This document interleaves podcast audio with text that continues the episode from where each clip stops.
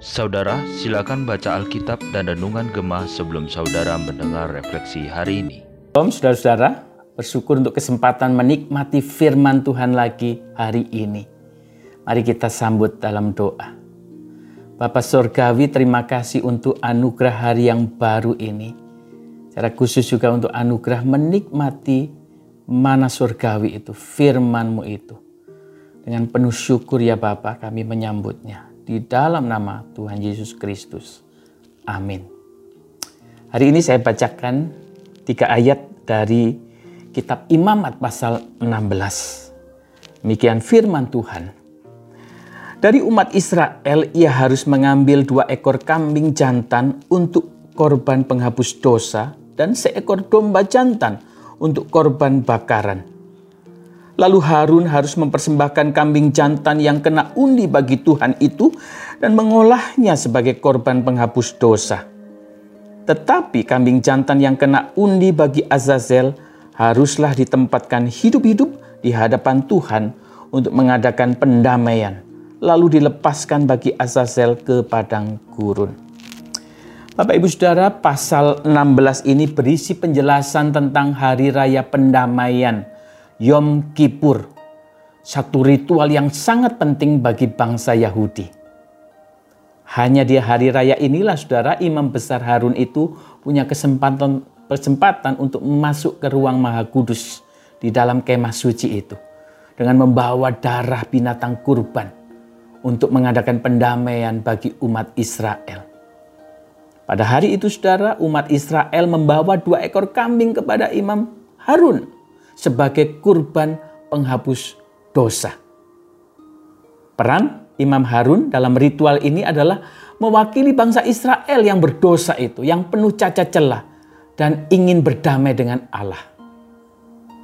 Imam Harun akan meletakkan tangannya ya, menyentuh dua kambing tadi sambil mengakui dosa-dosa umat Israel. Nah, pada saat Imam Harun itu menyentuh kambing-kambing ini, saudara, dihayati ya, dipercaya dosa umat Israel itu pindah ke kambing-kambing itu. Dan kekudusan kambing-kambing itu pindah ke umat Israel. Ya. Artinya terjadi pertukaran posisi di sini ya. Umat Israel yang berdosa itu menjadi tidak berdosa. Menjadi kudus. Dan dianggap memenuhi syarat untuk berdamai dengan Allah. Sebaliknya saudara, kambing-kambing yang kudus tadi menjadi najis sehingga harus menanggung hukuman atau membayar harga pendamaian umat Israel dengan Allah itu. Ya. Satu kambing membayarnya dengan kematiannya saudara, disembelih. Nah, satu kambing lainnya membayarnya dengan dilepaskan ke padang gurun. Artinya dijauhkan dari kemah Allah dan dari perkemahan orang Israel. Jadi demikianlah caranya umat Israel itu mendapat pengampunan dosa dan pendamaian dengan Allah. Nah saudara-saudara, ritual di hari raya pendamaian ini bisa menjadi contoh yang sangat jelas tentang betapa rumitnya sebenarnya ritual persembahan binatang kurban di perjanjian lama itu. Detil aturannya saudara bisa baca di kitab imamat dan kitab ulangan. Di semua aturan ritual bait Allah itu sangat rumit saudara. Dan sangat menekankan kebersihan atau kelayakan secara fisik.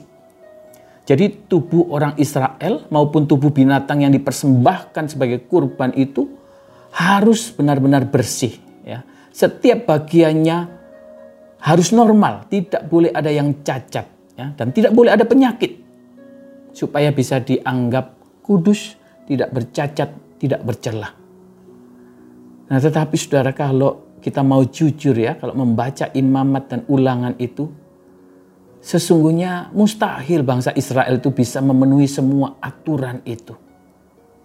Tapi mengapa Allah bikin peraturan yang mustahil dilakukan oleh manusia itu? Saudara, ini tujuannya. Ya. Allah itu mau menyampaikan pesan bahwa semua manusia, termasuk saudara dan saya ini, secara rohani tidak ada yang e, memenuhi syarat untuk berdamai dengan Allah, saudara. Karena dosa, kita semua kondisi rohani kita itu najis. Tidak layak di hadapan Allah, saudara. Bagian luar kita mungkin bisa dibersihkan ya. Bisa kelihatan saleh, kelihatan kudus.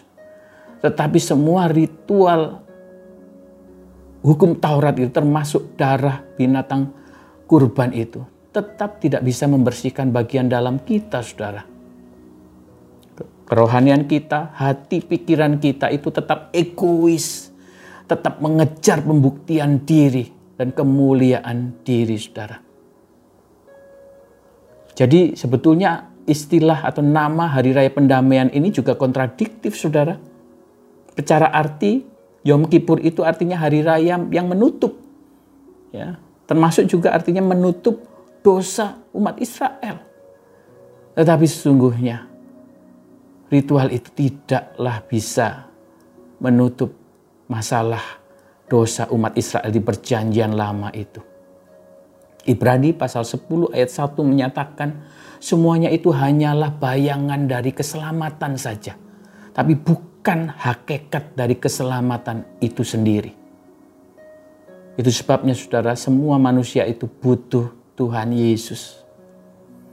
Karena hanya Tuhan Yesus yang bisa sungguh-sungguh menutup dosa kita dan mendamaikan kita dengan Allah, saudara. Karena di kayu salib itu, saudara, Tuhan Yesus itu mengalami apa yang dialami dua kambing yang dikorbankan oleh Imam Harun tadi, saudara. Ya. Seperti kambing yang pertama yang dibuang ke padang gurun, dijauhkan dari kemah Allah, dari perkemahan orang Israel, saudara. Yesus juga mengalaminya, saudara. Ia tersalib di Golgota, bukan? Itu lokasinya di luar kota. Menggambarkan Yesus itu dijauhkan dari komunitas bangsanya. Dan di kayu salib itu Yesus ditinggalkan oleh semua muridnya. Bahkan ditinggalkan oleh Allah Bapa. Dan sama seperti kambing yang kedua yang disembelih oleh Harun tadi. Yesus sebagai anak domba Allah juga disembelih bukan? Darahnya mengalir saudara. Karena cambukan, karena mahkota duri, karena paku, karena tombak saudara. Saudara, hasilnya apa yang dilakukan Yesus itu? Kolose pasal 1 ayat 22 saudara. Paulus menyebutkan bahwa darah salib Yesus itu menempatkan kita. Artinya mengubahkan kondisi atau posisi kita. Menjadi kudus, tidak bercacat dan tidak bercela di hadapan Allah. Itulah Injil saudara-saudara. Bersyukur hari raya pendamaian di perjanjian lama ini mengarahkan kita untuk mendengar lagi kabar baik itu yakni Injil. Kiranya setiap kita, saudara, tetap teguh di dalam iman, tidak bergeser dari pengharapan Injil. Kiranya hidup kita ini, kata dan perbuatan kita, setia memberitakan Injil. Amin. Kita berdoa. Tuhan kami bersyukur diingatkan lagi bahwa ritual agamawi, perbuatan baik kami, tidak bisa mendamaikan kami dengan Allah yang Maha Kudus itu. Terima kasih yang Allah Bapa. Kau sudah merancangkan karya penebusan buat kami. Terima kasih Tuhan Yesus. Engkau melaksanakan, menuntaskan rancangan keselamatan Allah Bapa itu. Kami bersyukur Allah Roh Kudus melahirbarukan kami, membuat kami bisa beriman kepada Tuhan Yesus. Tolong mampukan kami untuk bisa menjadi murid-murid Yesus, menjadi saksi-saksi yang setia seumur hidup kami. Amin.